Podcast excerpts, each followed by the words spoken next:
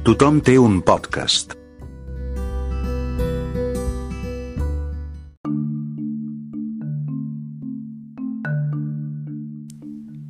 Soc el doctor Moriarty i ara tothom té un podcast. El cas és que em van demanar que fes de coordinador d'un club de lectura de gènere fantàstic i que seleccionés dues obres. La primera, dintre del llistat que em van donar, que era de, de les obres que estan a la xarxa de biblioteques, eh, vaig pensar que estaria bé que fos de Lovecraft.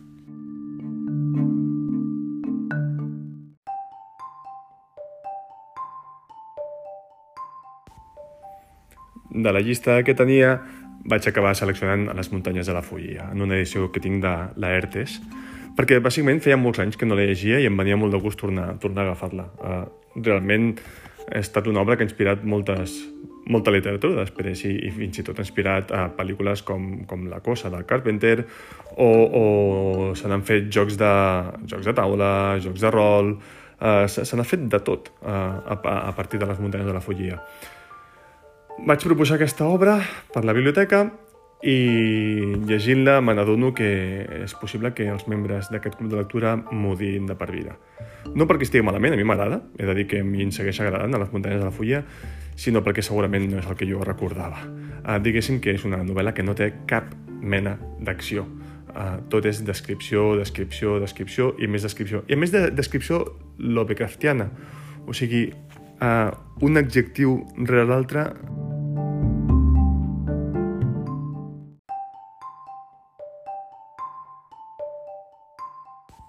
a quin més mm, polisilàbic i a quin més eh, extrem.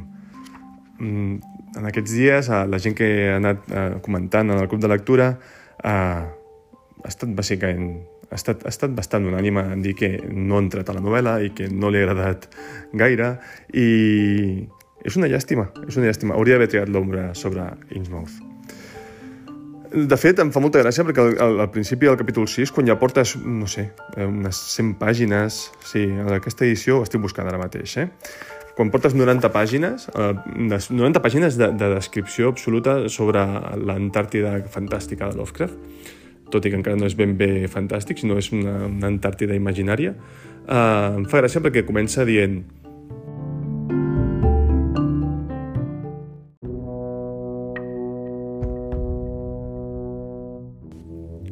Seria ben avorrit que jo ara volgués exposar una descripció detallada i continuada del nostre recorregut dins d'aquell rusc cavernós, mort des de qui sap quant de temps i construït amb pedres ancestrals, aquell cau monstruós de vells secrets que ara, per primera vegada, després d'incontables èpoques, es feia eco de la petjada dels peus humans.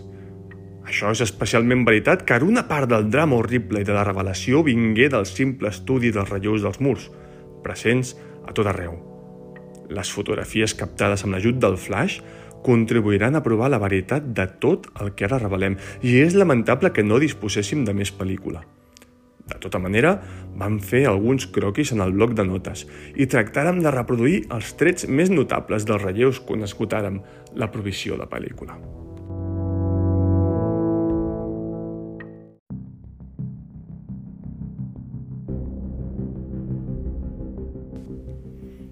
Ja s'han de tenir ben grossos, Howard Phillips Lovecraft, per començar el capítol 6, eh, a la pàgina 90, a un seria ben avorrit que jo ara volgués exposar una descripció detallada i continuada del nostre recorregut.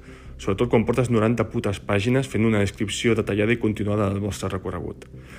Però vaja, em sembla que això dona per tertúlia. Comencem la tertúlia.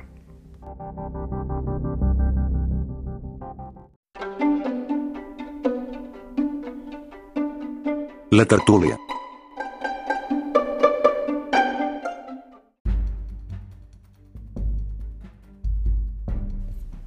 És Lovecraft un bon escriptor? Doncs la veritat és que no, si considerem bon escriptor algú que domina la tècnica de la narració. Però si considerem bon escriptor algú que és capaç de crear mons personals i deixar una petja en, en, no només en la literatura, sinó en l'univers pop, aleshores sí, Lovecraft és un molt bon escriptor, un excel·lent escriptor, però no podem estar d'acord amb, aquesta, amb aquesta afirmació quan eh, llegeixes les seves novel·les o els seus relats i te n'adones que va molt mancat d'un cert sentit de, de, de la mesura.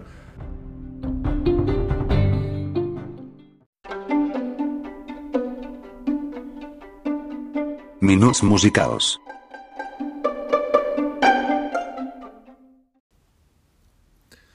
I de música m'ha resultat curiós que Roxette hagi tret un, una nova cançó, un nou single, sobretot perquè Mary Fredrickson va morir a principis d'any, o, o a finals de l'any passat, ara no recordo bé. Crec que van ser finals de l'any passat. Uh, aquesta és la darrera cançó de Roxette. Oye Siri, reproduce la última canción de Roxette.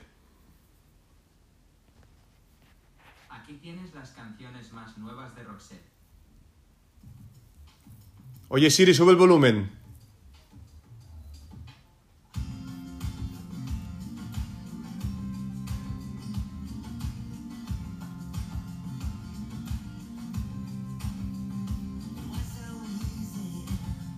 Oye, Siri, pausa. Doncs ja ho tenim, eh, la darrera cançó de Roxette, que sona una mica com tota la discografia de Roxette anterior.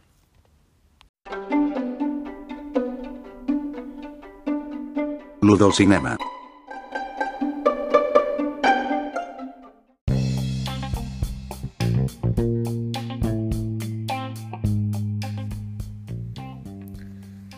Ahir vaig llegir al Facebook que en Lluís Rueda eh, recomanava Mope, una pel·lícula que van passar a Sitges l'any passat.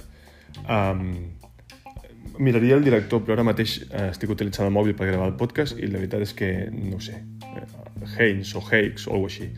Uh, bé, vaja, una pel·lícula, Mope bàsicament vol dir desgraciat del porno. Uh, són aquests uh, actors, ni actors, ni secundaris.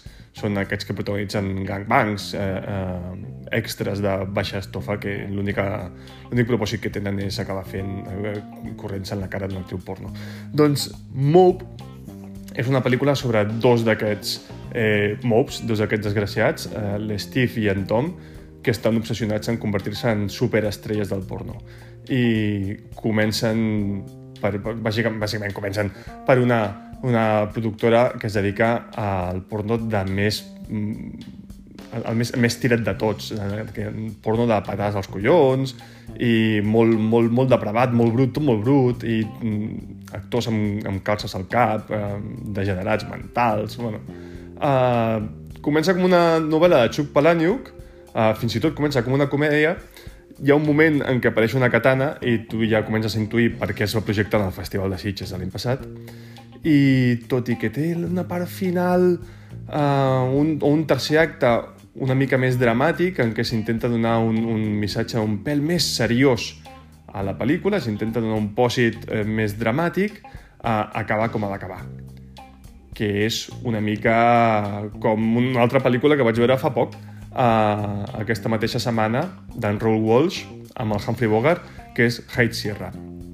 Traduïda com El último refugio, en què Bogart és en Roy L., un antic mafiós del Chicago dels anys 20 que surt de, de presó, eh, se li ha concedit un indult perquè un, un capó mafiós, en, en Mac, en Big Mac, eh, l'ha pogut treure de la presó i, i li ofereixen fer un darrer cop en un resort a la muntanya amb un gran robatori de joies.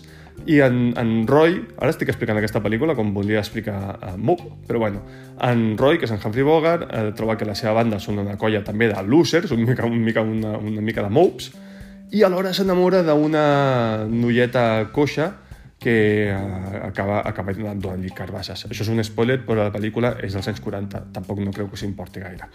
Uh, doncs, com deia, Moop acaba com Hate Sierra. No faré, mm, tampoc us destriparé el final de Moop, però sí que us diré que High Sierra, o l'últim refugio, alhora acaba una mica com Rambo, però sense el coronel Trauman redimint a Rambo.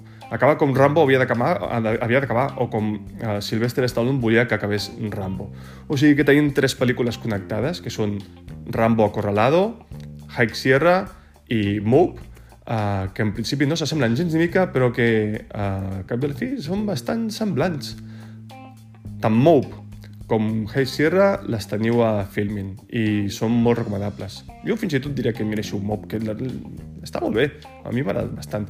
I Acorralado jo crec que l'heu vist tots, i si no la teniu a cap plataforma segur que la teniu en DVD, i si no us la deveu saber de memòria.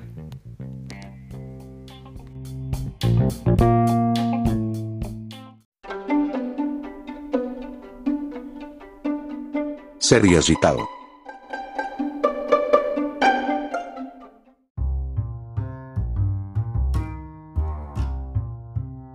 I avui precisament s'ha acabat The Voice, la sèrie d'en Kripke uh, sobre aquests superherois, eh, aquests que us he d'explicar, si ja l'heu estat seguint totes. S'ha acabat la segona temporada, uh, al final ha estat bastant bé, la sèrie està collonuda, la segona temporada ha estat molt millor que la primera, Homelander ho ha patat moltíssim, l'Anthony Starr ha fet un gran personatge, uh, potser la segona meitat de la temporada ha quedat més difuminat que la primera, on era el gran protagonista, i, però la sèrie està molt bé, molt bèstia, molt, molt, molt, molt a tope i molt violenta i a més amb component de denúncia social i de tot tipus, que això també funciona. És una sèrie de superherois, però bueno, que ja, que ja sabeu de què va. I ja està.